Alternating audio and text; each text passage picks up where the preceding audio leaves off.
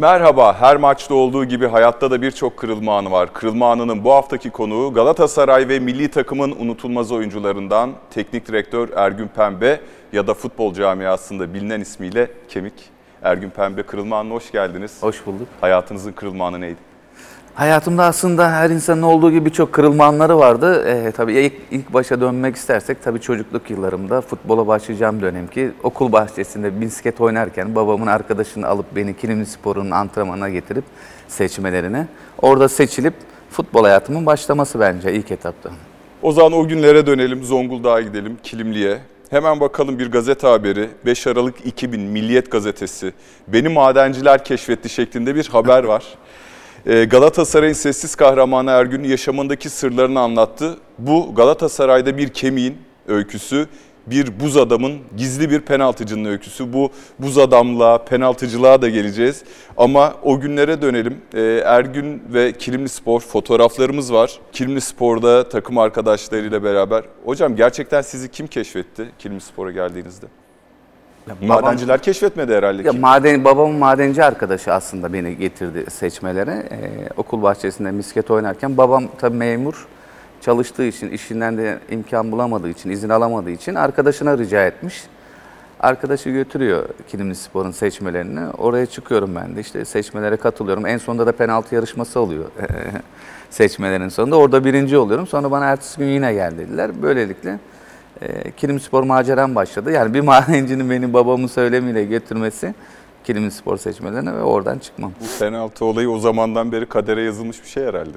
Ya aslında Kilim Spor'da oynarken e, bana attırıyorlardı penaltıları. Cahit hocam vardı. Yaş olarak hem aynı takımda oynadık. Sonra hocam da oldu. E, penaltı olduğu zaman bana güvendiği için bana attırdı. Aslında normalde kendi de atardı. Çok iyi de penaltı atardı. O kendi benim biraz daha güvenim gelsin diye bana attırmaya başladı. Öyle Kilimli Spor'da atmaya başladım. Ümit Milli so- takımda sonradan Fatih Hoca pozisyon olduğu zaman, penaltı olduğu zaman e, bana ihtiyaç duyduğunda bana attırıyordu. Zaten UEFA Kupası'nda da bana attırmasının sebebi Ümit Milli takımdan beni iyi tanıması, antrenmanlarda yapılan penaltı çalışmasında beni iyi tanımasından dolayı. Orada da ilk bana geldi zaten. Hocam oraya geleceğiz tabii ki en güzel yerleri. Ee, şimdi Zonguldak özel bir şehir. Zonguldak bir madenci şehri. Ee, değerli babanız İsmail Bey de e, Genel Maden İş Sendikası e, personel sorumlusu. Yani madencilerle iç içesiniz. Zor hayatlara tanıklık ediyorsunuz. Ee, Zonguldak çıkışlı olmak ki Tümer Metin de bu stü- stüdyoda konuk ettik. Hayatını etkilediğini söylemişti. Onda babası ağır şartlar altında çalıştığı için. Sizi nasıl şekillendirdi sizce Zonguldak'ta olmak? Yani tabii oradaki madene gelen insanların çalışma şartlarını gördükten sonra e, ve hastalık sahibi olduklarını gördükten sonra ister istemez etkileniyorsunuz. Mesela benim dedem lavarda çalışırdı. E, Biraz ölümü acıklı oldu. İşte orada e, kömür tozunu yutmasından dolayı bir takım hastalıklara maruz kaldı ve bu sebeple hayatını kaybetti. Tabii Allah'ın takdiri diyoruz neticede. Ama tabii onun da etkisi var. Yani oraya insanlar beyaz gidiyorsunuz, kapkara çıkıyorsunuz. Hatta ben yerin 560-550 metre kadar altına inmiştim bir dönem. Ee, gerçekten çalışma şartları çok zor. Yani aldıkları paraları sonuna kadar hak ediyorlar. Şimdi ben bunları gören bir insan olarak e, sahil kesiminde yaşıyorsunuz. E, bakıyorsunuz etrafınızda içen insanlar çok fazla. Ben bir şey yapmam lazımdı buradan yani oradan kurtulma adına. Yani madenci olamazdım. Ee, Başka bir iş yapamazdım. Sadece yeteneğimi keşfettim. Yeteneğim neydi? Futbol oynamak. Ben sabahtan akşama kadar futbol oynardım. Hiç yorulmazdım. Annemden babamdan dayak yerdim. Yine kaçar futbol oynardım. Ben yeteneğimi keşfedip o doğrultuda gitmeye karar verdim. Çünkü orada kalmış olsaydım işte işte babam sendikada e, madenci sayılır. E, amcam madenci, akrabalarım madenci. Ben de ya madenci olacaktım ya da başka bir şey. Yani arkadaşlarınıza takıldığınız takdirde ya da alkolik veya serseri bir tip olarak karşınıza çıkmış olacaktım belki de. Yani onları tercih etmedim. E, yaşadıklarımı gördüğüm için e, insan yaşadıklarından ders alabiliyorsa yol haritasını da daha iyi çizebiliyor. Ben öyle yaptım. Futbolcu olacağınızı ne zaman hissettiniz peki? E, amcamın oğluyla biz çok top oynardık. E, o da bana hep söylerdi çok yeteneklisin, çok iyisin, e, üstüne git diye. E, mahalle maçları oynardık. Beni oynatmazlardı, kaleye alırlardı. E, çünkü alıp hep gol atıyordum herkesi geçtiğim için. Ya o dönemlerde daha işte ilkokul dönemlerimde keşfetmeye başlamıştım futbolda iyi olduğumu. Aileden destek gördünüz mü bu konuda? Ya ilk zamanlar tabii ki hiç görmedim. Şimdi o zamanın Bu kadar şartları yoğun şekilde e, buraya stüdyoya gelen konuklar annem istemezdi, babam şöyle oku adam ol derdi gibi Ya o dönemin söyledi. anne babaları zaten okumamızı istiyordu hep. Bir de biliyorsunuz şartlar, ekonomik durumlar çok kısıtlıydı. Üstün başın çamur içinde geldiğin zaman annenden yiyordun paparayı zaten. İşte babam kahve işletiyordu, kahvede çalışmamı istiyordu. Ama ben futbolu çok sevdiğim için devamlı oraya da yardım ettim, onları da yaptım ama futbolumu hiçbir zaman eksiltmedim. Çünkü bir amacım vardı benim futbolcu olmak ve büyük takımlarda, milli takımda oynamaktı. Ben bunu kafama koymuştum. Onun için her türlü engel çıksa da karşıma yıkılsam tekrar ayağa kalkacaktım. Çünkü bunu kafaya koymuştum artık. Ben futbolcu olacaktım. E, hiçbir zorlu e, şartlar beni yıldırmadı. Annemin dövmesi, babamın dövmesi hiç fark ettirmedi. Ben yine her yere düştüğümde kalktım yine futbolumu Hiç oynamaya peki devam ettim. sonrasında annenizle babanızla bu konuyu konuştunuz mu? Yani Gençler Birliği'ne transfere geldik ve ekonomik anlamda da cebe bir şey girmeye başladı.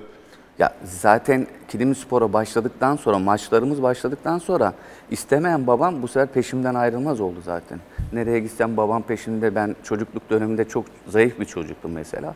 İşte kanım eksikti, işte ciğer ciğer alırdı, balık yağı alırdı, kuvvetleneyim, kilo alayım diye biraz. Sonra babam nereye gitsem hiç peşimden ayrılmadı. Çünkü babama zamanında demişler ki böyle yetenekli bir oğlum var. Yani elinden tutmalısın, peşinden gitmelisin diye. Babam da Allah razı olsun o dönemden sonra, ilk zamanlar istemeyen babam o dönemden sonra e, futbolcu olmamda büyük katkısı olanlardan bir tanesidir babam. Şimdi Gençler Birliği'ne geldik. Yanınızda Taner Taşkın var. Ee, Evet. Şimdi o da değerli bir teknik direktör. Gençler Birliği'nde de birlikte forma giydiğiniz. Ümit Milli Takım Gençler Birliği'nde beraber giymiştik. evet. Ee, Gençler Birliği'ne transferiniz nasıl gerçekleşti? Gençler Birliği o dönem Aslında çok ilginç. en önemli takımlardan da biri. belki de kırılma anlarından bir tanesi diyebiliriz. Nasıl? Kilimli Spor'da oynarken orta saha oynuyorsunuz, gol krallığını oynuyorsunuz. Ee, beni isteyen takımlar olmuştu. Ee, Gebze'ye görüşmeye gittim. Ee, onlardan bir ev istemiştim, vermediler. Transferim de olmadı, geri döndüm Kilimli Spor'a. Zonguldak Spor eşim vardı. Zonguldak Spor beni almadılar. O, o dönemler tabii iş, e, ahbap ilişkileri vardı.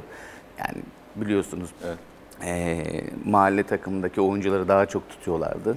Kay- yani adam kayırma vardı o dönem. Beni Zonguldak Spor'a da almadılar. İyi ki de almamışlar. yani almadıkları için Zonguldak olmayınca 6 ay sonra ben Gençler Birliği'nden e, bana transfer teklif geldi. O dönemde Ümit Milli Takım'a seçilmiştim. Kilimi Spor'a döndüm ama oynarken Ümit Milli Takım Ki seçmedim. pozisyon neydi? Şimdi gol krallığına oynuyordum gibi bir şey söylediniz. O dönem Ya orta sahada serbest oynuyorum. Normalde ben 10 numara tipinde oyuncuydum. Tabii sonradan sol bek kaldık. Yani 10 numara tipi oynadığım zaman çok etkili oynadım. O söyleyebiliriz. Ee, mesela Lucescu geldiğinde de ben 2 sezon orta saha oynadım. En çok asist yaptığım 2 senem, en iyi oynadığım 2 sene iki seneden bir tanesiydi yani. E, Gençler Birliği'ne geldiniz. En çok ne zorladı? Çünkü ciddi bir kategori artışı da var. Ya inanın çok zorlandım. Çünkü ben 18-19 yaşında 19 yaşında gittim Gençler Birliği'ne.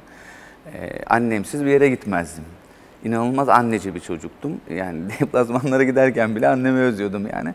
Özgüvenim belki yoktu. Ya anneme tapıyordum yani. Annemsiz bir yere gitmiyordum. Pazara bile annemle gidiyordum.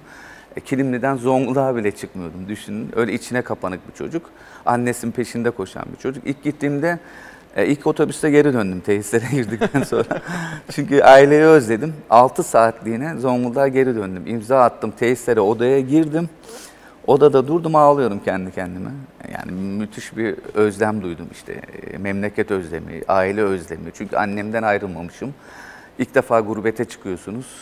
Odada düşündüm ve geri döndüm. Otobüse atladım. Bana çok ilginç geldi. Soğukkanlılığıyla tanınan Ergül Pembe'nin yani evinden ayrılıp ilk e, kariyerinde de çok önemli basamağı atladıktan sonra geri dönmesi, duygularına yenilmesi ilginç geldi. Ya geri dönmem tabii ki özlemden dolayı. Tekrar sonra 6 saat sonra geri döndüm. Yani benim yerimin orası olduğunu artık biliyordum. Ee, ve ayrı kalmam gerektiğini, bu özleme katlanmam gerektiğini artık içimde yavaş yavaş e, atmaya başladım onu. Bilinçlendim. Ee, öyle bir anım geçti başımdan ama e, tabii ki bu zor oldu. Kolay değildi çünkü düşünsenize 18-19 yaşına kadar hep ailenlesin. E, bir anda gurbete çıkıyorsun. Çok zorlandım. Bunun zorlanmamın neticesinde de kiralık döneminde ben Gençler Birliği'ne gittim. Sadece bir maç yanılmıyorsam oynayabildim. 4-5 tane PAH maçında oynadım. Hatta iki Trabzon maçı çarşamba pazar. 4 gol attım Trabzonspor'u. O dönemde Uruguay'ın Brems vardı. Evet, Ee, Trabzon. Trabzon'un başında. Bu çocuk kim demiş? Beni istemiş Cavcav'dan. Ben demiş onu oynatacağım vermem sana. Sonra zaten 6 ay geçtikten sonra yeni sezonda ben oynamaya başladım.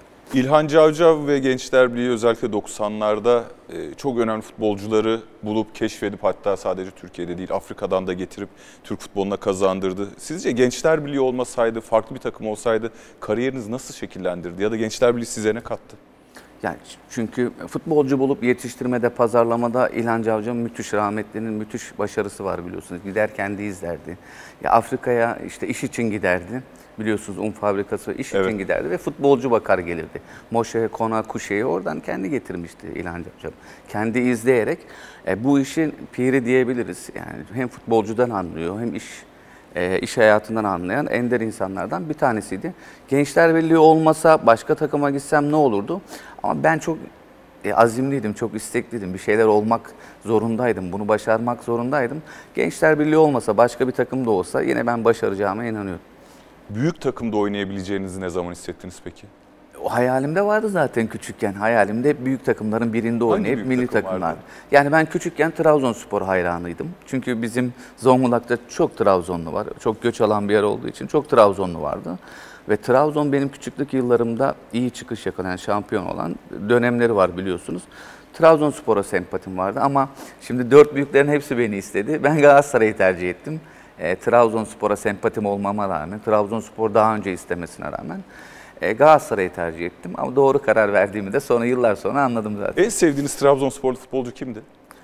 E, Mahallede Or- oynuyorum dedi, diyorsunuz ya. Orhan e, Orhan vardı mesela işte benim onun oynama dönemi de onunla geçirdim ama Orhan vardı. Eski zamanlarda e, kaleci işte Şenol Şenol hocam onların dönemini izledik. Yani var şu an aklıma gelmiyor. Birçok oyuncu vardı eskilerden. Evet, e, şimdi Gençler Birliği'nde oynarken zaten Ergün Pembe yavaş yavaş sivriliyor. Rusya ile oynanan bir milli maçta milli takım formasını da İlk giyiyorsunuz. İlk kez giyiyorsunuz 90 dakika ve 94-95 sezonunda Galatasaray'a transfer oluyorsunuz. Biraz önce dediğiniz üzere 4 takım da istiyor. Galatasaray'ı tercih ediyorsunuz. Neden Galatasaray? Ee, neden Galatasaray? Aslında ben mukavelemi bir sene daha uzatmıştım Gençler Birliği'yle. Ligin bitmesine bir hafta kala iç yan bağımdan Kocaeli maçında sakatlanıp son maç memleketime gittim oynayamayacağım için. Ee, sözleşme de yenileyip gittim. Ee, sonra memleketteyken telefon çaldı. Adnan Sezgin'le Adnan Polat aradılar beni. İşte seni aldık bize geliyorsun. Cavcav'la anlaştık. Nasıl dedim ben. Ben yeni sözleşme imzaladım. Hem sakatım biliyor musunuz? Evet her şeyi biliyoruz dedim. Sen de istiyorsan dedi e, atla hemen otobüse veya araban varsa doğru Ankara'ya gidip Mehmet Minnet vardı doktor. Ona kendini göster muayene etsin seni ona göre rapor alacağız. Ben gittim muayenem oldum. Olumlu rapor verdiler. Menisküsümde yırtık vardı sadece. Ufak bir operasyon geçirmem gerekiyordu. E, Galatasaray'la gör, e, e, muayene olduktan sonra sonra İstanbul'a gittim ben anlaşmak için.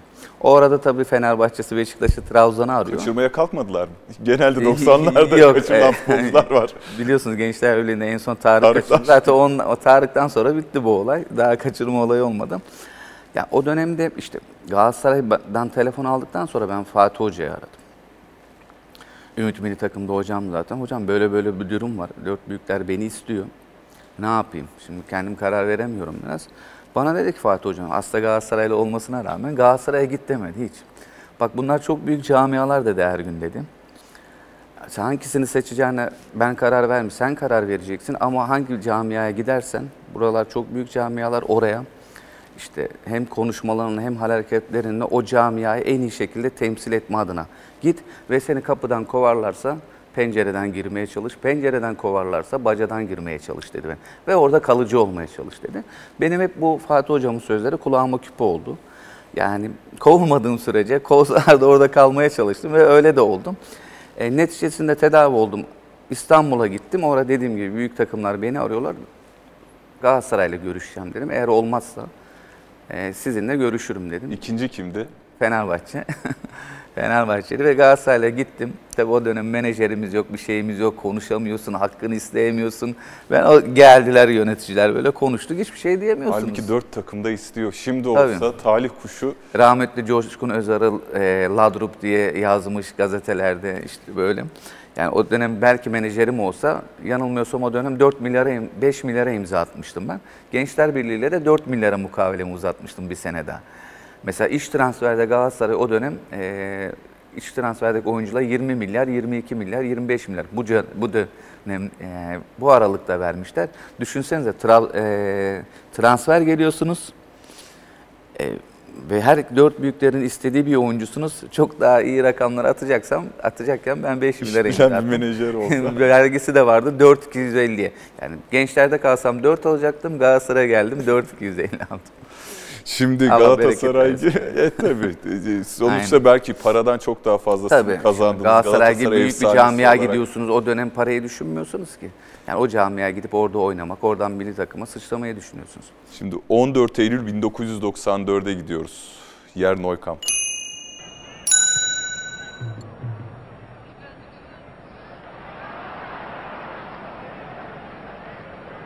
Опасная атака сейчас может получиться. Тюркельмас с мячом, удар и гол!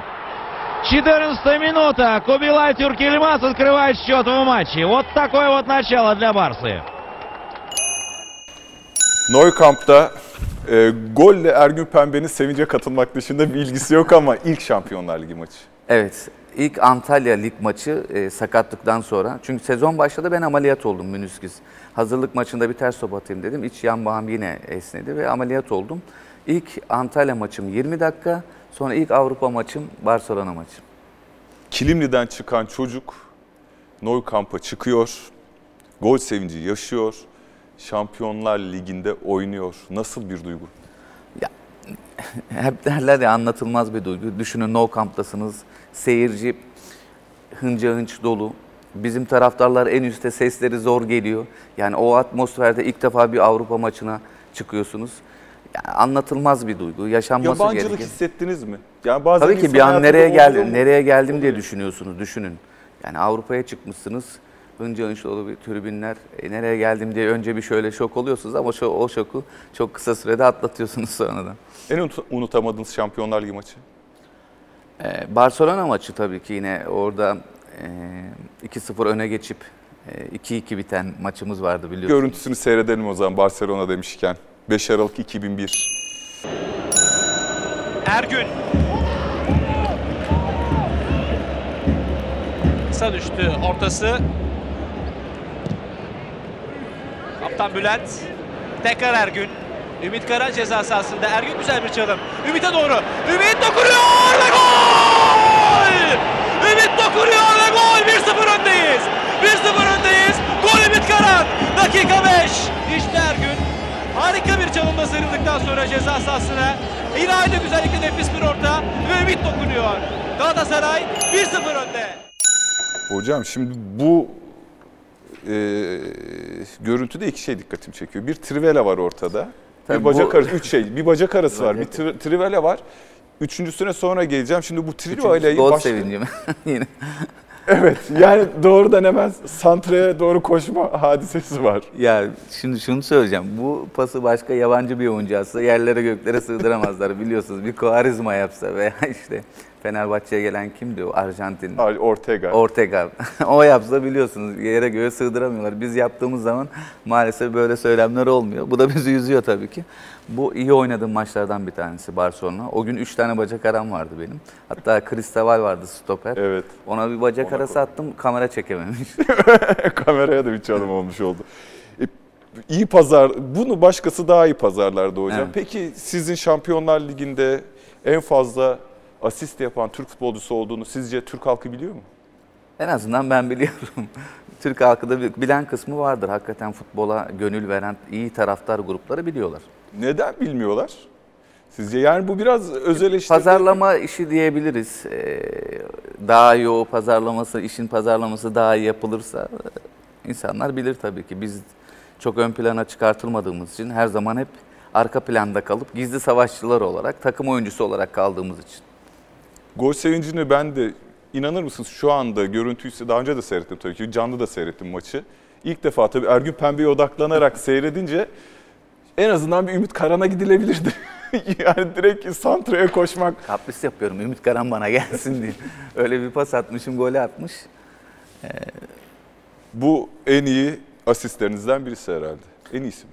Ya en iyilerinden bir tanesi diyebiliriz. Bir maçta da asist olarak var tabii ki güzel o şeylerim ama tabii en anlamlarından bir de Barcelona ile oynuyorsunuz. Ve ilk golü orada siz atıyorsunuz. Hem bacak arası atıp öyle bir pas. İlk yani en iyi final paslarından biri diyebiliriz. Şimdi 23 Aralık 2013'te Acun Kom'a bir röportaj veriyorsunuz. O röportajda diyorsunuz ki bu maçtan sonra Barcelonalılar benimle ilgilendi. Soyma odasına Beni geldiler. sormuşlar. Ee, beni sormuşlar kim bir oyuncu diye. Tabii o zaman da yaşımız var biraz. Ama dediğim gibi hakikaten çok iyi oynamışım. Maçın genelini izlediğiniz zaman zaten bunu anlarsınız. Ee, onun için o o gün beni sormuşlar kim bu oyuncu diye. Düşünmüyorum şeklinde bir açık Beni ayrılmayı o dönemler Newcastle'da istemişti. Ben Galatasaray'da çok mutluydum. E zaten Zonguldak'tan çıktım gurbete zorluk çektim. Şimdi İstanbul'dan oralara gitsek hepten herhalde bir zorluk çekerdik. Şimdi e, 50 yaşına yaklaşmış Ergün Pembe'ye bu durumu nasıl açıklıyorsunuz? Yani Barcelona'yı düşünmemeyi, İngiltere Premi- Premier Ya, Ligi'ne ciddi bir teklif gelse tabii ki düşünürdüm. Sadece beni sormuşlar. Ee, genelinde bir transfer teklifi gelmiş olsaydı belki değerlendirirdik. Tabii ki Barcelona istiyor. Ee, değerlendirmeden olmazdı. Belki de giderdim yani. Bilemeyiz. yurt dışında oynamış olsaydınız teknik direktörlük kariyeriniz nasıl etkilenirdi bundan? Ee, bence daha profesyonel, işine ee, daha odaklı bir insan olurdum diye düşünüyorum. Çünkü oradaki eğitimle çok daha farklı olurdu. Oradaki çünkü hakikaten oynayan oyuncular işine çok sadıklar, çok profesyoneller. Bizim bu tarafta biraz daha amatör ruh ön planda ve iş ahlakı oraya nazaran bizim daha altlarda görüyorum ben. Hakikaten orada işini tam ahlakıyla yapan, işini severek yapan insanlar daha çok. Hocam şimdi en heyecanlı kısmına geldik. İki pozisyon. Birisi Ben çok üç- heyecanlanmıyorum. Nasıl olur? evet bilmiyorum belki yani zaten buraya da not aldım acaba Ergün Pembe heyecanlanır mı heyecanlandırabilir miyiz diye ama 3 Kasım 1999'a bir gidelim. Bu bir penaltı ki bir başka penaltının yolunu açıyor aslında. Seyredelim. Ben de kalktım ayağa. Haydi Ümit. Biz hazırız Ümit. Son saniyeler attık. Haydi Ümit. Gol! Galibiz, galibiz. Giden maç döndü. Giden maç son dakikalarda döndü. Gerçekten yüreğimde vardı. Bir şeyler olacak diyordum ve işte onlar oldu. Doğan Yıldız'ın sesinden çok güzel bir ses me- e, meslek abimiz. E, bu maçta 70. dakikada oyuna giriyorsun. Hacı çıkıyor, ben oyuna giriyorum. Evet. Ve hani o Ümit Milli takımda penaltı kullanan, Kilmi Belediyespor'da buz gibi penaltı kullanan, bu penaltı ya o Kopenhag'daki penaltının yolunu açıyor aslında. Neden Ümit Davala siz değil? E, lig maçlarında birçoğunda e, hacı atmadığı zaman Ümit atıyordu. Ümit de çok soğukkanlı ve iyi penaltı atan oyunculardan bir tanesiydi. E, hoca ona söylemişti. Yani maç öncesi zaten belirleniyor işte. 2-3 oyuncu sen atacaksın. Sen atmazsan kendini daha iyi hissediyorsa öbür oyuncu atacak diyor. Söyleniyor zaten. Orada e, hacı çıktığı için Ümit vardı. Mecburen Ümit attı. Hoca bana söylemiş olsaydı ben atardım. Ya atar mıydım onu da bilmiyorum. Şimdi 2-2'ye getirmişik final şeyi. O ara bilmiyorum atar mıydım. E, Ama hoca söyledikten sonra biz sakatken oyna dese oynuyorduk hoca. At diyecek mecbur atacaktık yani. Ama e, Ümit de iyi penaltı atıyordu ve güzel de attı. Evet, Türk futbol tarihinin en önemli e, ikinci penaltısı. Şu anda da birincisine geliyoruz. E, 17 Mayıs 2000'e Parken'e gidelim. Kopenhag. Nefeslerinizi tuttunuz sevgili seyirciler biliyorum. UEFA Kupası'nda finalde artık penaltı vuruşları. Ergün topun başında. Ergün topun başında. Ergün mesela Pirlo'ya gidelim. Dünya Kupası'nda penaltı atan Pirlo biyografisinde şöyle diyor.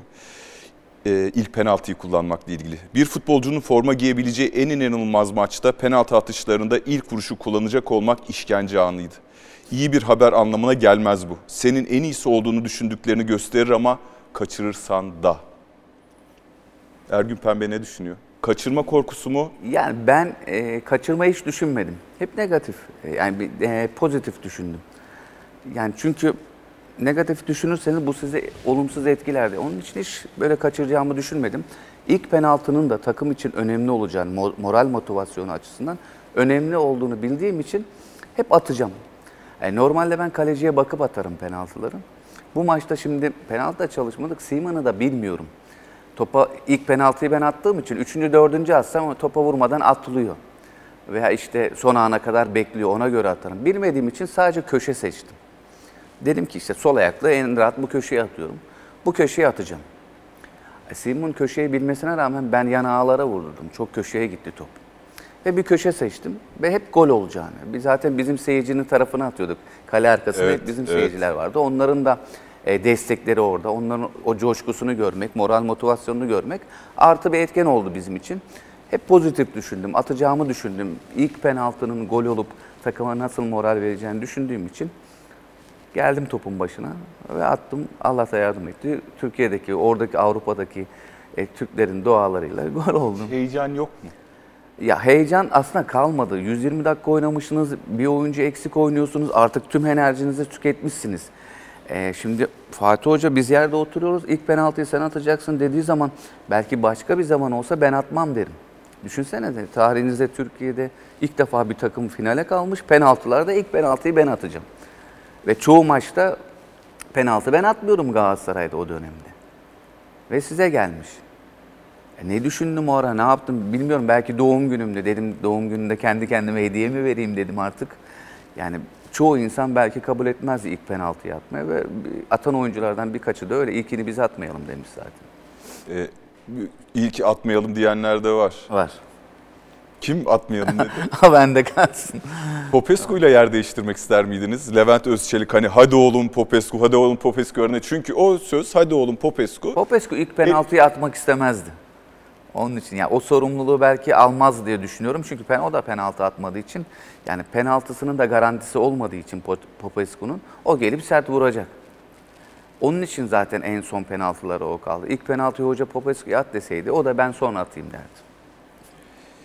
Bu penaltıyı kaç kere seyretmişsinizdir? Bir seyredelim bir kez daha bizim için seyredin. Futbolcular orta yuvarlağın içinde. Herkes dışarıda. Herkesin dışarıya çıkmasını istiyor. Arsene Wenger'in de dışarıya çıkmasını istiyor. Ergün'ün gözlerine bakın. Endişe, heyecan, kritik bir an. Ergün, Ergün ve gol. Beklediğimiz gol işte buydu aslında. Ergün'le 1-0 öne geçiyoruz. Kameralar sizin yüzünüzde ama sizin gözünüz kalede değil. Yok işte kaleciyle kontağa direkt girmedim ben. Yani göz göze gelmedim beni etkilemesine izin vermemek için. Hep onun için kafam hep başka yerdeydi. Formaya da baktım da bayağı iki kişi girer içine. Evet o zaman bayağı büyük. formaları öyle. E, hiç kaçırmış olsaydım diye düşündünüz mü? Yani kaçırmış olsaydım ne olurdu? Yani kaçırmış olsaydım acaba Türkiye'ye döndüğümde beni linç ederler mi diye düşündüm tabii ki. E, düşünsenize yani yine de bizim seyirci herhalde affeder. Çünkü tarihinde ilk defa bir Türk takımı oynuyor. Finalde penaltı kaçırmışsın. Olabilir diye derlerdi diye düşünüyorum. O kadar e, vefalı diye düşünüyorum taraftarlarımız.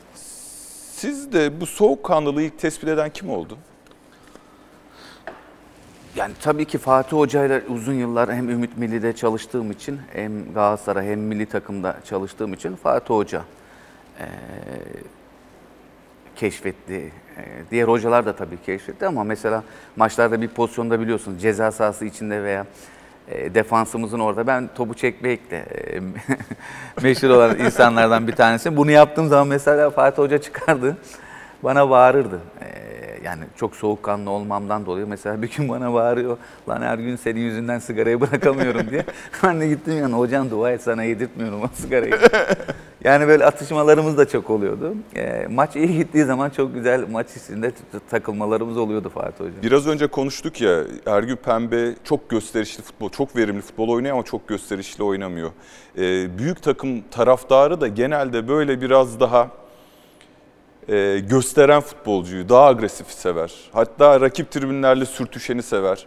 E, ilk geldiğinizde kendinizi ispatlama konusunda bu sakin tavrınız sizce aleyhinize işledi? Yok. eee, ben neysem oydum. Ha, çünkü hatır- o dönem Ali Sami Yen tribünlerinde Yani mesela Ali Samiyen'de biliyorsun ilk dönem ben ilk geldiğim sene o Ali Samiyen'in çimi de zaten çok kötüydü.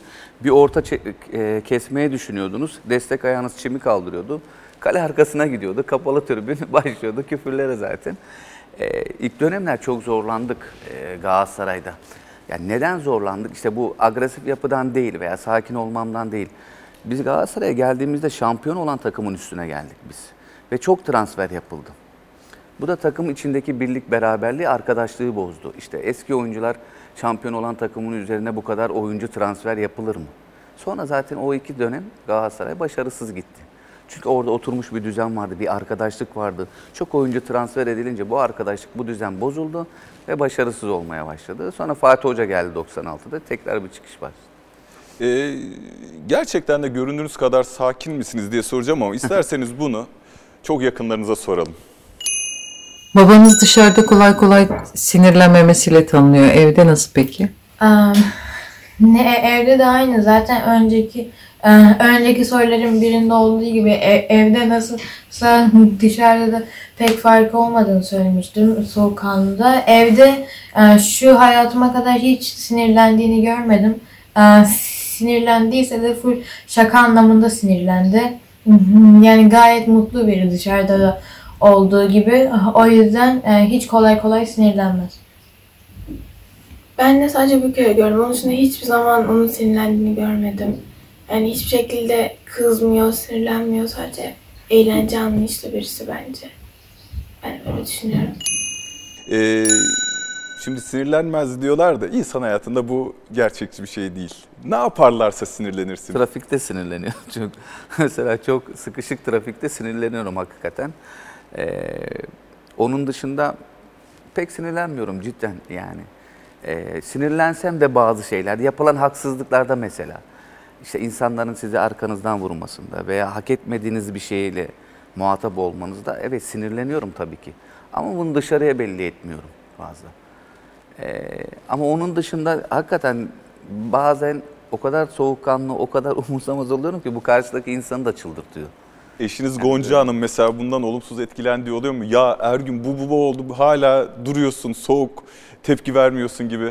Yok öyle bir şeyimiz olmadı hiç. Ee, tabii ki e, bazen daha agresif olmanızı Hani istiyorlar. duygusuzlukla eleştirilebilirsiniz de bu konuda. Tabii tabii. Mesela ben duygularını hem sevincimi hem üzüntümü ben bazen mesela Hasan Şaş'a çok imreniyordum ben. Duygularını hakikaten çok iyi yansıtabiliyor. Sevincini, üzüntüsünü, hırsını. Bende de onlar var ama ben bunu yansıtamıyorum. Bazen onun için ben de üzüldüğüm zamanlar oluyor. Çünkü adam benden onu alamıyor, o elektriği alamıyor. Ulan ne ruhsuz adam diyor yani. Halbuki ben onu yansıtamıyorum dışarı. Bunun için bazen tabii üzüldüğüm anlar oluyor. Ben de onlar gibi e, dışarıya aksettirmek isterim ama yapamıyorum. Yapı meselesi bu. Benim babam da öyle. O da sakin, soğukkanlı bir. E, gerçi benden daha sinirli ama onun da soğukkanlı, sakin yapısı var. Şimdi Ergün Ege ve Asya Naz'a şunu söyleyelim. E, ne yapmasınlar da sizi sinirlendirmesinler?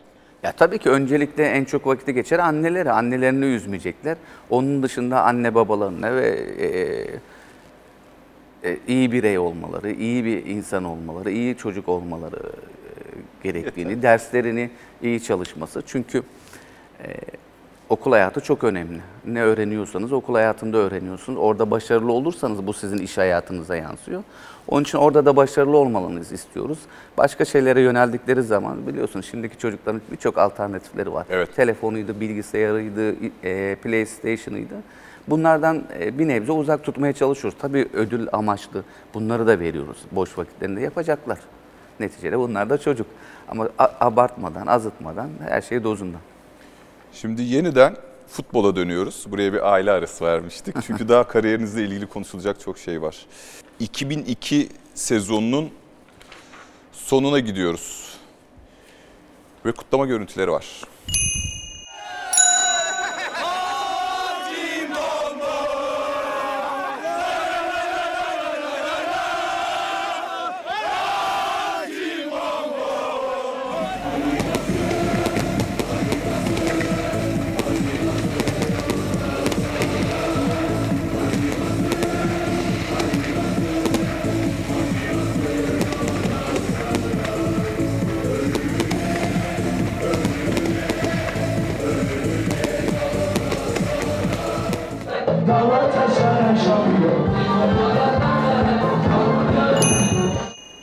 Galatasaray şampiyonluğu kutluyor, Ergün Pembe şampiyonluğu kutluyor.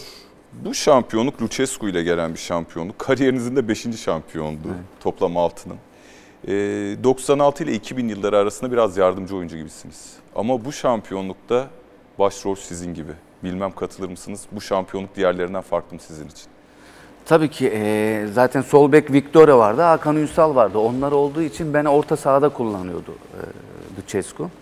Ve eee Lucescu'lu iki sezon en iyi oynadığım iki sezon bence Galatasaray'da. Gerçek kimliğini yansıtan Ergün Pembe'ydi bence. Zaten orta saha serbest orta 10 numara tipinde oynayan bir oyuncu olarak Kinim Spor'da başladım. Sonra sol bek oldum. Kim yaptı sizi sol bek? Ya, Fatih Hoca tabii ki. Yaptığı her şeylerin başında o Hiç geliyor. konuşmadınız mı hocam sonra? Biliyor hocam da biliyor zaten benim yani Kilim Spor'da oynadığım yeri, Gençler Birliği'nde oynadığım yeri. Tabii Hakan Ünsal'ın e, iki tane çapraz geçirmesi. O mevkiye koyduğunda beni hem aklımla hem tekniğimle oynadığımı bildiği için e, oraya monte etti. Ve orada da ben de elimden geldiğince hiç sevmesem de elimden geldiğince iyi oynamaya çalıştım. Çünkü ben gezerek oynamayı daha çok seven oyuncu tipiydim. Ve Lucescu döneminde iki sene ben onu yaptım. Mesela Ümit Karan bir CD yaptırmış menajerim menajerlere şey yapmak için işte takım şeylerine kulüp bulması için. Ümit Karan CD izliyor. Ergün abi ben değil sen transfer yaparsın diyor bana. Attığı her golle asistlerde ben varmışım genelde. Yani öyle bir CD yaptırmış menajerim. Hakikaten keyif aldığım iki seneydi Galatasaray'da. Tabii ki diğer senelerde çok keyif aldım ama en keyif aldığım iki seneden onlardı. Galatasaray'da sayısız kupa, ka- hakikaten sayısız kupa kazandınız. Biliyorsun kaç kupa kazandınız biliyor musunuz? Bilmiyorum. Yani 6 şampiyonunuz var. Yani Süper Kupa'ya ve UEFA Kupası da dahil bunların arasına. Böyle bir kariyer çok az insanda var Türkiye'de. Ee, peki kendinizi yıldız gibi hissettiniz mi? Şimdi oyunu Galatasaray'da oynuyorsunuz. Birçok yıldız var. O yıldızların arasında kendinizi yıldız hissetmeniz çok zor tabii ki. Ha, belki 10 numara tipinde oynamış olsaydım uzun yıllar Galatasaray'da bir yıldız gibi hissedebilirdim. Ee, yaptığım katkı bakımından. Ee, sol bek oynuyorsunuz uzun yıllar. Onun için pek yıldız olarak görmedim. Ben kendimi hep takım oyuncusu olarak gördüm. 2005-2006'da da yine unutulmayacak bir şampiyonlukta isminiz var. Ee, Ama durum sizin için çok iyi değil bireysel olarak. Geres dönemi. Evet. 30 Ağustos 2016, 2006 Hürriyet gazetesi. Gerets'in benimle sorunu var. Bugüne kadar böyle bir teknik adamla hiç karşılaşmadım. Bir gün gelip derdin ne diye sorduğu da yok. Onun yüzünden Galatasaray'dan ayrılmak zorundayım. Galatasaray yönetimi Gerets'in isteğiyle Avrupa'da 6 numara arıyor. Ama ben hemen yanında duruyorum. Benimle ilgilenmiyor bile. Ben yıllarca hem Hacı'nin hem de Fatih Terim'in zamanında bu mevkide görev yaptım. Ama Gerets beni hiç burada oynatmadı. Bir kere olsun sen buraya geç bir deneyeyim bile demedi. Hacı ile Fatih Terim beni boşu boşuna mı orada oynattı demiş. Sizin gibi iyi bir profesyonelle bir teknik adamın ne gibi bir sorunu Yani olabilir? bugüne kadar hiçbir hocamla bir sorun yaşamadım. İlk defa Geres'le yaşadım. O da bir toplantıda hakikaten artık burama geldi ve tartıştım. Hatta Hasan Şaş yanımdaydı. "Ya Ergün abi yeter artık karnımız acıktı dedi. Toplantıyı bitir. Yani Gençler Birliği maçı oynadık. Maç kötü bitti. Biz de oynamadık. Antrenmanda işte yedek oyuncular, e, oynayanlar normal düz koşu. Biz de ant normal antrenman yaptık. Bu geldi bize çattı. Sanki yenilginin faturasını bize kesiyor. Yani biz yendirdik takımı. Ben de sinirlendim tabii. Çünkü o dönem şimdi Fatih Hoca böyle diyor, Hacı böyle diyor. Birçok yerde oynayabilecek özellik değil. Ee, Geres de ilk geldiği dönem bir toplantı yaptı kampta. İşte tek tek oyuncuları tanıyor. Beni de tanıyor. Dedi ki bana karşı oynadığım maçlarda en iyi oynayan oyunculardan bir tanesi sensin. Yani beni öyle bir övüyor ki kampta. Ne, ne olduysa o kamp dönüşü oldu. İşte benim hafif bel sakatlığım vardı. Tedavi için Türkiye'ye döndüm. Geldik işte lig başladı. Ondan sonra sağ bek sol bek oynuyor. Ben oynamıyorum. Ama Fatih Hoca beni milli takıma alıyor. Genes Galatasaray'da oynatmıyor. Evet. Fatih Hoca milli takıma alıyor. Biliyorsunuz olaylı İsviçre maçı da var. Evet. Ee, ondan sonra milli takımdan dönüyorum. Oynatmak zorunda kalıyor beni. İşte Avrupa maçına gidiyoruz. Sağ bek sol bek oynuyor. Sonradan beni oyuna alıyor. İşte 60'ta 70'te. Yani bunları yaşadım ben orada. Böyle bunları yaşayınca böyle diyorsun sezon başında sonra bunları yapıyorsun. Ne oldu aradan ne gitti hiç anlamadım. Ee, en son bir işte toplantıdan sonra dedim sen benimle alıp veremediğin ne? İşte o konuşmaya başladı. Dürüst değilsin bana dedim. Ondan sonra biraz tartıştık. Öyle bir gerginlik oldu. O da gerginliği seviyordu zaten. Ee, sadece gerek şöyle mesela hocalıkta onun sevdiğim en büyük tarafı mesela ben ona hakaret de edebilirim. önüme gelen her şeyi de söyleyebilirim ama hiç ona bakmıyordu. Sahada ne yaptığına bakıyordu. Futbolcunun dışarıda ona ne yaptığı, mesela birçok e, e, oyuncu arkadaşımız inanılmaz hitaplarda, sen hocam hoca değilsin diyenler de olduğu halde yine oynuyordu. Çünkü o sahadaki işine bakıyordu. Sahada bana verimliyse onu oynatıyordu. Yani ilk defa Geres'le öyle bir sorun yaşadım ve de bu Galatasaray'dan zaten ayrılmama sebep oldu. Bir sene belki bir sene daha devam edebilirdim. Ayrılmak zorunda kaldım. Forvet arkasında daha rahat hissediyorsunuz. Sol bekte oynadınız, sol iç, sağ iç. Ama şimdi diyorsunuz ki 6 numarada beni bir deneseydin. Bari hani o Fatih Hoca'nın yıllar önce verdiği tavsiye var ya kapıdan kovarlarsa bacadan gir. Denemediniz mi Gerets'in kapısından? Geres'te ben Adnan Sezgin'e gittim direkt. Ben dedim bir sene daha oynamak istiyorum. Dedi ki jübile yapalım işte. Futbolu bitir. Şimdi benden büyük oyuncu takımda bir sene mukavele imzalıyor. Bana futbol hayatımı bitirmemi söylüyor. Dedi ki ben bir sene daha oynayayım ondan sonra bitireyim. Tamam dedi sen iki gün daha düşün dedi bana. Ben kapıdan çıktım arkamdan açıklama yaptı. Ergün'le yolları ayırdık diye Adnan Sezgin. E, Böyle olunca kopmak zorunda kaldınız. Yani Adnan Sezginler beni Galatasaray'a getirdi ve onlar yolladılar. E zaten Geresli dönemden sonra Geres bıraktı, Alman hoca geldi. Onda ben devam etmedim. Evet. Geres de ayrılmıştı şampiyon yaptıktan sonra. Peki sizi kariyerinizde en iyi kullanan teknik adam kim oldu? Valla Fatih Hoca tepe tepe kullandı yani neticede hem Ümit Milli Takım hem Milli hem Galatasaray. Yani en iyi- Potansiyelinizi kim ya açığa iyi Potansiyeli bence en iyi çıkartan Lucescu'ydu. E, Lucescu e, teknik taktik analiz olayı inanılmaz e, teknik direktörlerden bir tanesi. E, oyuncuyu da çok rahat bırakan, serbest bırakan ama saha içinde her şeyini oyuncudan isteyen bir hoca tipiydi. E, bunda da başarılı oluyordu hep. Oyuncu onun için de oynamak istiyordu. Tabii potansiyelimde Fatih Hoca'dan sonra en büyük katkısı olan Lucescu bence. Ve Gaziantep Spor'da bir sezon forma giydikten sonra futbol hayatınıza son noktayı koyuyorsunuz. Şöyle bir tabloyla 6 Türkiye Ligi şampiyonluğu, bir UEFA, bir Süper Kupa, bir dünya üçüncülüğü, e, Türkiye kupaları. E, Akdeniz Ak- oyunları Akdeniz şampiyonu. oyunları şampiyondu. Aklınızda bir şey kaldı mı? Yani tabii ki Şampiyonlar Ligi kupasında da bir final oynayıp onu da almak isterdik. Ee, bunda belki başarabilirdik takım bozulmasaydı. Fatih Hoca'nın 4 sene üstte şampiyon olup UEFA'ya aldıktan sonra o kadro belki bozulmasaydı üzerine birkaç takviyeyle orada da belki zorlayabilirdik diye düşünüyorum. Yani ligi belki 6 şampiyonlukla götürebilirdik. Hoca gitti, Lucescu geldi. Mesela ilk senesi yine şampiyon olabilirdik. Biz çok iyi, sen de hatırlarsın. Biz Ali Samiyen'de Ankara gücüne 2-1 kaybettik. O- 30. dakika Okan'ın kırmızı kart görmesi. işte Okan'la Emre Inter'le anlaştı, oynamıyorlar. Birçok e, haberler çıktı. Çocukları üzen haberler çıktı Okan'la Emre'yi. O maç eksik kalmasak, Ankara gücü maçını kazansak biz 6'da 6 yapıyorduk. Evet. Olmadı. Bir sene ara verip tekrar Lucescu ile öbür sene. Belki Fatih Hoca ve gitmemiş olsa, ekip bozulmayıp bir iki takviyeyle biz 6 sene üstte şampiyon olup belki Şampiyonlar Ligi'nde de farklı yerde olabilirdik. E, Başarının bir de getirisi var aslında zorlayan takımları. beraber oynama Takım alışkanlığını al- almıştık artık. Yani biz şöyle bir şey 90 dakika bitiyordu. Niye ne çabuk bitti diyorduk. Yani bir 90 dakika daha oynardık. O kadar keyif alıyorduk. Birbirini tanıyan iyi bir grup. iyi bir arkadaş grubu. Aile olmuşlardı artık. E, bu da başarıda çok büyük etkendi bence. Şimdi bu başarıların bazılarını birlikte yaşadığınız eski bir takım arkadaşı, eski bir kardeşiniz var sırada. Ee, Ergün abi benim gönlümde ayrı bir e, yere sahiptir. Öz abim kadar sevdiğim bir insandır. Ee, bana sağ içinde sağ dışında çok yardımları olmuştur. Çok e, öğütleri olmuştur. Ben de elimden geldiğince onun e, söylediklerini dinlemeye, uygulamaya çalıştım. E, yıllarca aynı odayı paylaştık. Ee, çoğu gece beni gece uykumdan kaldırırdı. Ergün abinin bir özelliği de sabahın dört buçuk beşine doğru bir çikolata krizi tutar. Kalkar uyanır. O çikolatayı yemek illa yemek zorunda. Ben de birçok defa o çikolatayı yediği zaman uyanmışlığım olmuştur. Ee, tekrar sizin aracınızda da e, Ergün abiye tekrardan sevgilerimi, saygılarımı iletiyorum. Şimdi Sabri Sarıoğlu'ya çok teşekkür ediyorum. Diyor ki bana sahip çıktı, öğüt verdi. Siz Galatasaray'a bugün için ya da geçmişten de örnek verebilirsiniz. Gelen genç bir futbolcuya da altyapıdan çıkan bir futbolcuya ilk olarak ne tavsiye edersiniz? Ya tabii ki öncelikle üste çıktığı zaman orada kalıcı olmasını. Şimdi buraya gelmek kolay. Asıl orada kalıcı olabilmek zor ve birçok oyuncu da bunu başaramıyor. Yani ben ben de dahil birçok e, oyuncu arkadaşım altyapıdan gelenlere çok sahip çıktılar. Sabri benim evimde büyüdü, elimde büyüdü sayılır. Evimden çıkmazdı. Her antrenman ona bacak arası atardım. Eve gidermiş Sabri dermiş ki Allah Allah bugün de kapattım nasıl geçti dermiş.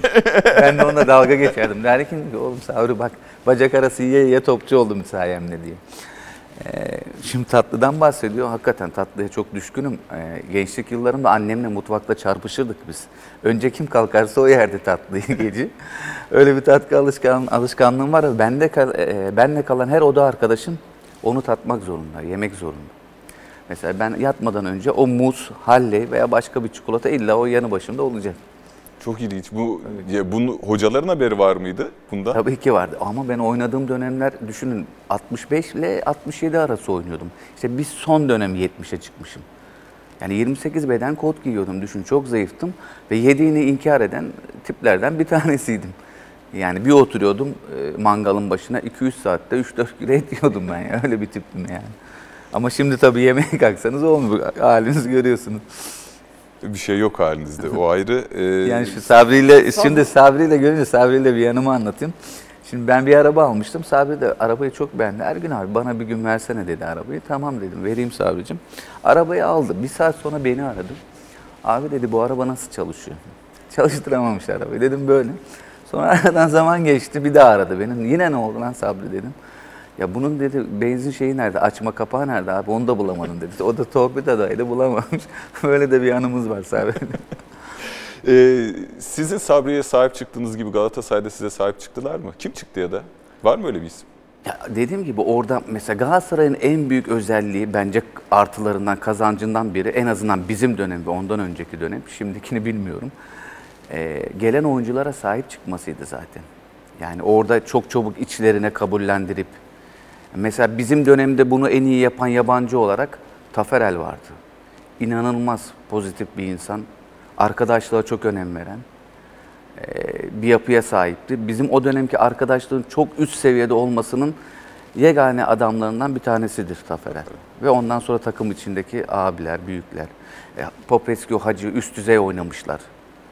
Ve hiçbir egoları olmayan oyuncular bunlar. E böyle olunca başarı geldi zaten. Galatasaray'ın dediğim gibi kazançlarından bir tanesi gelen oyuncuyu çok çabuk içlerine alabilmeleri. Yani onu sahiplenip e, kendi aileleri gibi görmesini sağlaması bu etken çok büyük oldu Galatasaray. Galatasaray'da hoca olmak istiyorum. Nisan 2011. Yıllarca Galatasaray'da oynadım. Yurt dışından teklifler aldım. Teknik direktörlükte hedefimse basamakları birer birer çıkmak, sindire sindire çıkmak. Erciyes'in başarısı için uğraşıyorum. İleride Galatasaray gibi büyük camiada hoca olmak arzusundayım. Galatasaray'da güzel yıllar geçirdim. Beraber ağladık, beraber güldük. Ergün Pembe'yi Ergün Pembe yapan o camiadır diyorsunuz İHA'ya verdiğiniz röportajda. E, 2008'den beri antrenörlük yapıyorsunuz. Süper Lig'de sadece 12 maçınız var. 2009'da Hacettepe'nin teknik direktörü olur olarak. E, üst klasmana yeniden dönemediniz. E, sizce neden? Bence neden? işte siyasetin bence biraz daha futbolun içine atılması. Yani bu camiada arkadan itici gücünüz olmadığı takdirde bir yerlere gelmeniz çok zor. O itici güçle size verilen şansı iyi değerlendirseniz o zaman işte bir yerlere geliyorsunuz. Ee, Şimdi tabii ki bizim öyle bir gücümüz olmadığı için ben kimseye gidip beni şu takımı aldır, ya buraya işimi yap demiyorum ki. Böyle olmayınca zaten bir yerlere sıçramanız da zor oluyor. Ee, onun için alttakilerde hep kaldık. Tabii ki ben de istiyorum günün birinde lig takımı çalıştırıp Galatasaray'da hoca olmak veya milli takıma hoca olmak. Ama bunun için sadece sizin o diplomayı alıp bir yerlerde bir şey yapmanız da olmuyor. Bir gücün de sizin elinizden tutması gerekiyor, arkadan itmesi gerekiyor. Biz daha o gücü bulamadık. O gücü bulursak belki biz de o şans verildiğinde bir yerlere geleceğiz. Ama Türkiye'de maalesef işler çok farklı şekilde dönüyor. Çok farklı şekilde oluyor. Ve dikkat ederseniz zaten hep aynı hocalar dönüp dolaşıyor. Bir hoca bir tak X bir takımdan ayrılıyor. Daha valizini eve koymadan başka bir kulüple anlaşıyor. Şimdi burada başarısız olmuş adam. E gidiyor hemen başka takım buluyor. Nasıl oluyor bu? E sen de bir köşede bekliyorsun. Takım sayısı belli. Hoca sayısı belli. E bu sıkıntılar var. E, bu sıkıntılar doğrultusunda başka etkenler de işin içine girdiği zaman üst seviyelerde olmanız çok zor oluyor tabii ki. Neden yolunuz Florya'dan geçmedi teknik adam olarak? Yardımcı pozisyonunda. Ya ilk dönem Fatih Hoca geldiği dönem bir teklif etti bize aslında. Biz e, kendimiz e, hoca yapma yani hoca olma yolunda ilerleyeceğimiz için ben zaten yıllarca Fatih Hoca ile çalıştım. Evet. Fatih Hoca'dan alabileceğim her şeyi aldım. E, daha ne alabilirim ki? Zaten yıllardır yanında çalışan hocalar var görüyoruz. Fatih Hocam ha- hangi bir teknik direktörü yetiştirdi? Var mı? Şu anda yok. Onun için ben kendim yapmayı düşündüğüm için ilk teklif geldiğinde kabul etmemiştim. Ondan sonra da yine teklif geldi ama alt kategorilerde işte U'ların başında. Benim UEFA Pro lisansım var. Gerekli kulüplerde çalışmıştım. Yani U'larda olmamın gereği yok diye düşündüm. Kabul etmedim. Olacaksam üst seviyede olmam gerektiğini düşündüm. Onun için o zaman da o kabul etmedim. Ee, böyle bir yol haritası çizmiştim. Ee, tabii ki Galatasaray'da da e, hizmet etmek, orada olmak isterim. Ama doğru zamanda doğru iş yaparak.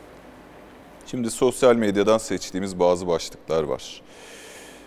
Çok aradım, maalesef bulamadım. Farklı kaynaklara da sordum. Benim e, tribünlerde duyunca en çok hoşuma giden tezahüratlardan birisiydi. ben de o zaman muhabirdim bütün statlara da gittiğim için. Ergün Pembe gönlüm sende. Maalesef sesli kaydını bulamadım ama böyle bir sloganla çağrılıyordunuz Evet. tribünlere. 25 Aralık 2002'de bir kullanıcı girmiş bu e, e, mesajı. Bir futbolcunun alabileceği en güzel tezahüratlardan biridir diyor. Duymayı özlediniz mi? İnanın ilk zamanlar çok özledim. Yani ilk futbolu bıraktığım anlar zaten bir oyuncu için yıkıcı oluyor. Onu çok çabuk atlatamazsanız zaten büyük hüsrana uğramış oluyorsunuz ve sizde ağır bir tahribat bırakmış olabiliyor. Ama ben bunu atlatabildim. Çok zor oldu ama atlatabildim. Çünkü ben 13 sene Galatasaray'a hizmet verdim. Benim yatak odamdan daha çok o tesislerde yattım. Oradaki odam benim bir ev gibi olmuştu artık. Oradan koparıldığınız zaman inanın çok kötü oluyorsunuz. Benim evim hala tesislerin dibinde. Ama ben tesislere gitmiyorum ilk zamanlar böyle. Oraya gidersem değişik duygulara kapılıyordum. İşte duygusallık yönüm ortaya çıkıyordu. Bana çok zor geleceğini düşündüğüm için ben uzun zaman tesislere gitmedim. Hakikaten koymuştu bana Galatasaray camiasından. Yani o kadar sevmişim ki artık benimsemişim ki. Yani yuvam gibi. Ee, onun için e, çok üzüleceğimi düşündüğüm için uzun zaman gitmedim. Sonra sonra e, futboldan kopmayı hiç istemedim. Ben hep şunu söylüyorum genç arkadaşlarımıza, yeteneklere. Ben dünyaya yine gelsem yine futbolcu olmak isterim. Hatta büyük takımlarda oynuyorsanız, işte milli takımda da oynuyorsanız böyle güzel bir meslek var mı? Yok. İnsanlar spor yapıp para veriyor. Siz hem spor yapıyorsunuz hem para kazanıyorsunuz. Bir de gittiğiniz zaman açılmayacak kapı yok size. Hep bu nasihatı veriyor. Şimdi böyle düşünen bir adam buradan koparıldığı zaman çok zor oluyor hakikaten. Ama atlatmanız gerekiyor bir şekilde. Geretse Çünkü onunla- geçti mi? E, tabii ki geçti, o yaşandı, bitti, olabiliyor insanlar arasında. Birçok oyuncu bunu yaşıyor. Yaşanmaması, yani benim karakterime yakışmayan bir şeydi. Hiçbir hocayla o diyaloğa girmemem gerektiğini düşünüyorum. Ama artık mecbur kalmıştım. Ama doğru ama yanlış. Ben, e, çünkü bugün ben de teknik direktörlük yapıyorum.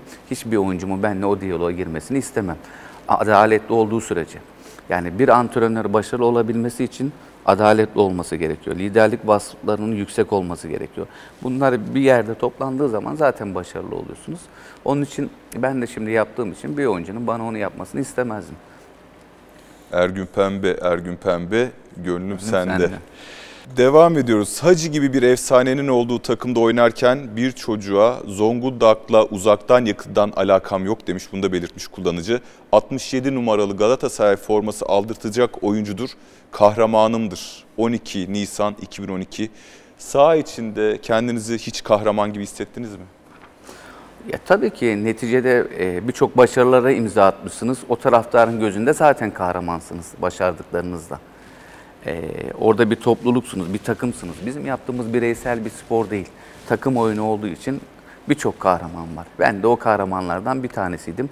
Çünkü şöyle de baktığınız zaman, burada mütevazı olmayacağım çünkü kusura bakma. Çünkü Türk futbol tarihinde başarı olarak, kariyer olarak baktığınız zaman da belki 30 futbolcudan bir tanesi. Var mıdır 30? Ya bu Yani kupa şimdi sayısına atıyorum. şimdi Süper Kupayı da Yani. kazanan o kuşak Galatasaray kadrosundan yani Bülent Korkmaz Yani ben afaki şimdi söyledim belki daha azdır, Daha azdır. belki daha fazladır bilemem. dünya üçüncülüğü de var. dünya üçüncülüğü de var dediğiniz gibi. Onun için bir nebze kahraman olayım diye düşünüyorum. Benim fazla mı gol oldum? Sizin kahramanınız kim peki? Ya ben çocukken Maradona'yı seviyordum tabii. Hacı ile gibi bir yetenekle oynamak, bir liderle oynamak da inanılmaz keyifliydi.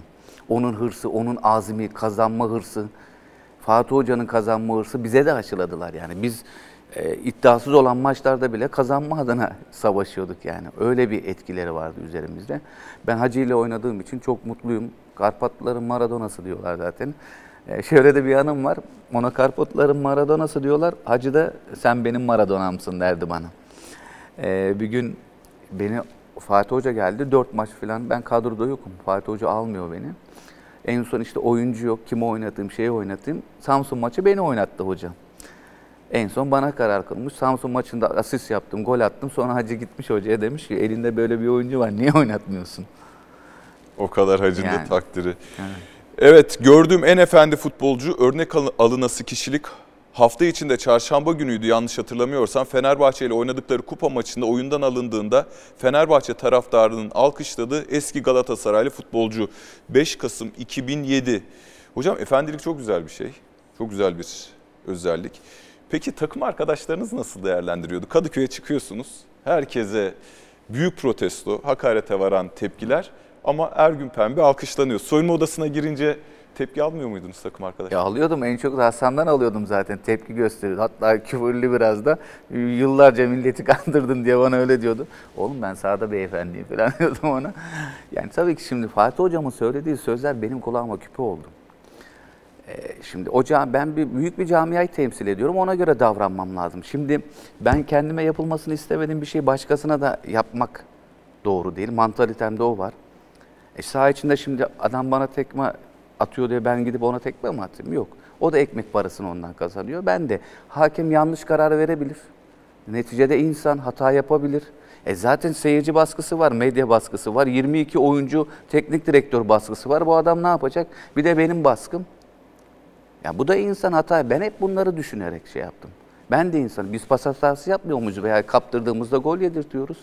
Biz de yapıyoruz. Bunları düşünerek hep ben. Hep öyle kafamda beyin jimnastiği yaptım. Dediğim gibi kendine yapılmasını istemediğim şey başkasına da yapmayacaksın. Tabii ki soğukkanlılığım veya itiraz etmem takım arkadaşlarım tarafından tepki en çok da dediğim gibi Hasan tarafından. Çünkü Hasan devamlı itiraz, devamlı tepki yapardı. Hatta ben ona dedim ki gel sen benimle kal belki benden biraz sakinlik bulaşır sana diye. Ama baktım ki olacak gibi değil bana sinirlilik bulaşmaya başladı. Yolları ayırdım hemen. 13 senelik Galatasaray kariyeri hiç arada Fenerbahçe ya da Beşiktaş'a doğru bir Oldu. oldu mu? Ne Oldu. zaman oldu? Ee, Lucescu'nun Beşiktaş'a gidip Fatih Hoca'nın Galatasaray'a tekrar döndüğü yıl, 2003 yılı. 100. yılda Beşiktaş'ın şampiyon olduğu Korkmaz'ı da sene. zannediyorum o ara e, Lucescu Beşiktaş'a doğru çekmeye çalışmış. Ee, onu bilmiyorum ama benle ilgili hakikaten e, Yıldırım Bey'le de ben e, Demirören'le de gittik, görüştük. E, işte Galatasaray'la dünya e, milli takımdan döndük. E, Fatih Hoca geldi, işte anlaşacağız, konuşuyoruz filan parada. E, Fatih Hoca bir teklifte bulundu. O arada e, rahmetli Özhan Can Aydın içeri girdi. İşte hoca ne yaptın filan dedi. Anlaştık şu kadar verdi. O dedi fazla vermişsin dedi. Ben de buna sinirlendim. Şimdi milli takımda başarılısın, gelmişsin, Galatasaray'da oynayan oyuncusun. E, Hep de en az imzayı atan oyuncuların hep başında gelen oyuncu bendim. Bana böyle yönetim toplanmış ay şeklinde. Prolar içiliyor. Şunu veriyoruz. Ben tamam benim babam 25 sene çalıştı. Bu parayı alamadı. Tamam ben imzalıyorum diyen bir tipim yani. Ama insan da hakkını almak istiyor. Şimdi öyle deyince başkan ben sinirlendim. Menajerimi aradım. Çıktım odadan. Dedim bana hemen takım bul. Bak iki saat sonra döndü bana dedi ki Fenerbahçe senelik 2 milyon dolar veriyor. 3 sene 6 milyon dolar. Beşiktaş 1 milyon 800 bin dolar veriyor. 3 sene 5 600. Galatasaray'ın teklif ettiği parayı söyleyeyim mi? Senelik 9 bin dolar. Sonrasında Sonrasında gittik görüşü Lucescu hatta demiş ki bir iki oyuncu istiyormuş. Üç oyuncu mu ne o? Ergün gelecekse tamam istemiyorum onu. Ergün'ü alın bana demiş. Gittik görüştük anlaştık. Fatih Hoca'ya dedim ben gidiyorum. Sonra ben bir kağıda imza atmıştım rahmetli Turgay Vardar. Ee, o imzayı atınca bol servis olayım ortaya çıktı. Beşiktaş dedi ki o zaman her seneden 200 bin dolar feragat et. Yani 1.800, 1.600 olsun. 600 bin dolarını sen ver, gerisini biz verelim. Ona da anlaştık, okeyledik. Fatih Hoca gidemezsin. Ben seni bırakmam. Dedim bu parayı atmam. Sonra 1.250'ye çıktı Galatasaray. Maç başınasız. Garanti para. Galatasaray'da kaldım. Beşiktaş'a gitsem o sene şampiyon olmuştu. Ama tabii o zaman Galatasaray'la Ergün 100. Pembe. yıl şampiyonlarından. 100. yıl şampiyon oldu ama tabii o zaman da Galatasaray'la Ergün Pembe olarak kalmazdık. Belki anılmaz. Galatasaray'da 100. yılında şampiyon olamamaktan çok etkilendiniz mi? E tabii ki öyle bir anlamlı günde şampiyon olmak istiyor takım. E, bir eksiklik oldu, bir üzüntü oldu ama çok daha abartmamak lazım. Kırılma anı devam ediyor. Kısa sorular soracağım hocam. En büyük pişmanlığınız? Yani Galatasaray'da en son dönem bırakmak isterdim. İşte bir Antep maceram oldu. Galatasaray'da bırakabilirdim. Şans var mıydı da Antep'e gitmeyip bir sene oynamayıp Galatasaray'da bırakayım mı diyorsunuz? Ya öyle olsa daha iyi olurdu benim için diye düşünüyorum. Kariyerinizde hangi ana dönmek istersiniz? Kariyerimde o duyguları tekrar yaşamak için UEFA Kupası'na dönmek isterim o penaltı pozisyonuna. İnanılmaz bir atmosfer. 1 Mayıs ayındayız. Ali Samiyan Stadı'nda kazan dairesinin yanındayız. Üstünüzde parçalı forma var. Önünüzde kaptan Bülent duruyor. Yürüdükçe hafif hafif çimen kokusu da geliyor dışarıdan. Sizce dışarıda nasıl bir atmosfer var? Yani, Ali Samiyan. Ya Ali Samiyan o atmosferi yaşayan şanslı insanlardan bir tanesiyim ben. O atmosfer inanılmazdı. Ee, özlüyor musunuz derseniz çok özledim. Ee, o mesela yeni statta da çok oynamak isterdim ama Ali Samiye'nin o atmosferi, o kazan dairesi, o çimi anlatılmaz yaşanır yani. 96-2000 yılları arasında 4 sene üst üste, üst üste şampiyon olan ve UEFA kupasını alan takımın ideal sol bekine kimini, kimi yazıyoruz? Hakan Ünsal. Çünkü ben sol bek değilim. Ben hep kendime şunu söylüyorum. Nöbetçi sol bek. Hakan Ünsal oynadığı zaman ben orta saha oynuyordum zaten. Ve önlü arkalı oynuyorduk. Çünkü ben oynadığım zaman Hakan Ünsal da rahat ediyordu. İstedi, çünkü o giderse biliyor ki Ergün kalacak geride. O da rahat oynuyordu onun için. Hakan Ünsal mı daha iyi, Ergün Pembe mi daha iyi yoksa Abdullah Ercan mı daha iyi? Ben Abdullah Ercan'ı çok beğenirdim mesela. Ee, inanılmaz. O da soğukkanlı, e, top ayağına yakışan. E, şimdi orijinal sol bekler olarak ben Hakan Ünsal'la Apo derim yani. En üzüldüğünüz maç? Fenerbahçe tabii ki 6-0'lık maç. Bana Hacı'den daha iyi bir futbolcu söyleyin. E, Maradona tabii ki. Bana Bülent Korkmaz'dan daha iyi bir kaptan söyleyin. ya, Bülent Korkmaz da ben oynadığım için diyemem tabii ki. Ama beğendiğim, takdir ettiğim kaptanlardan birini soruyorsan Puyol. Daha iyisi yurt dışında yani. Yani Moraliniz bozuk olduğunda düzeltmek için ne yaparsınız? A. UEFA Kupası maçını tekrar izlerim. B. 2002'deki Senegal maçını izlerim. C. Samiyen'de 16 dakika beklerim. hiçbiri. Gider alışveriş yapar. Öyle Yani sinirli olduğum zaman şey yaptığımda deşarj olmak için alışveriş yapmaya giderim genelde. Peki bu anlardan hangisi sizi daha çok mutlu ediyor? Biraz önce saydıklarımdan. Ya UEFA 16 dakika beklemek şimdi çok stresliydi. Yani ben düşün ben gibi soğukkanlı adam soyunma odasında ben bir aşağı bir yukarı gidiyorum. En son soyunma odasına girdim bitsin artık diye. Bir oraya bir buraya gidiyordum. Ya tabii ki onu yaşamak istemezsin. Gider öbürünü UEFA kupasını yaşamak isterdim. En büyük hayaliniz? En büyük hayalim yeniden dünya yeri futbolcu olmak. Çok iyiymiş. En, zo- en son ne zaman ve niçin ağladınız? Aslında yakın zamanda ağladım. Ee, geçen neyi izlemiştim? Ha, Beyaz Meleği izledim. En son onda duygulan. Ben normalde ağ- dediğim gibi duygularını çok ifade edebilen bir tip değilim. Ama Türk filmleri izlediğim zaman duygusalda hakikaten gözümden yaş geliyor yani. Ee, mesela Bob Violet'ı izlediğimde öyle oldu. En son yakın zamanda işte televizyonda rast geldim Beyaz Meleği. Tekrar izledim. Çok duygulandım. Gözümden yaş geldi yine. Ergün Pembe çok teşekkürler. Ben Kırılma teşekkür Anı'nın ederim. sonuna geldik. Tekrar görüşmek üzere. Hoşçakalın.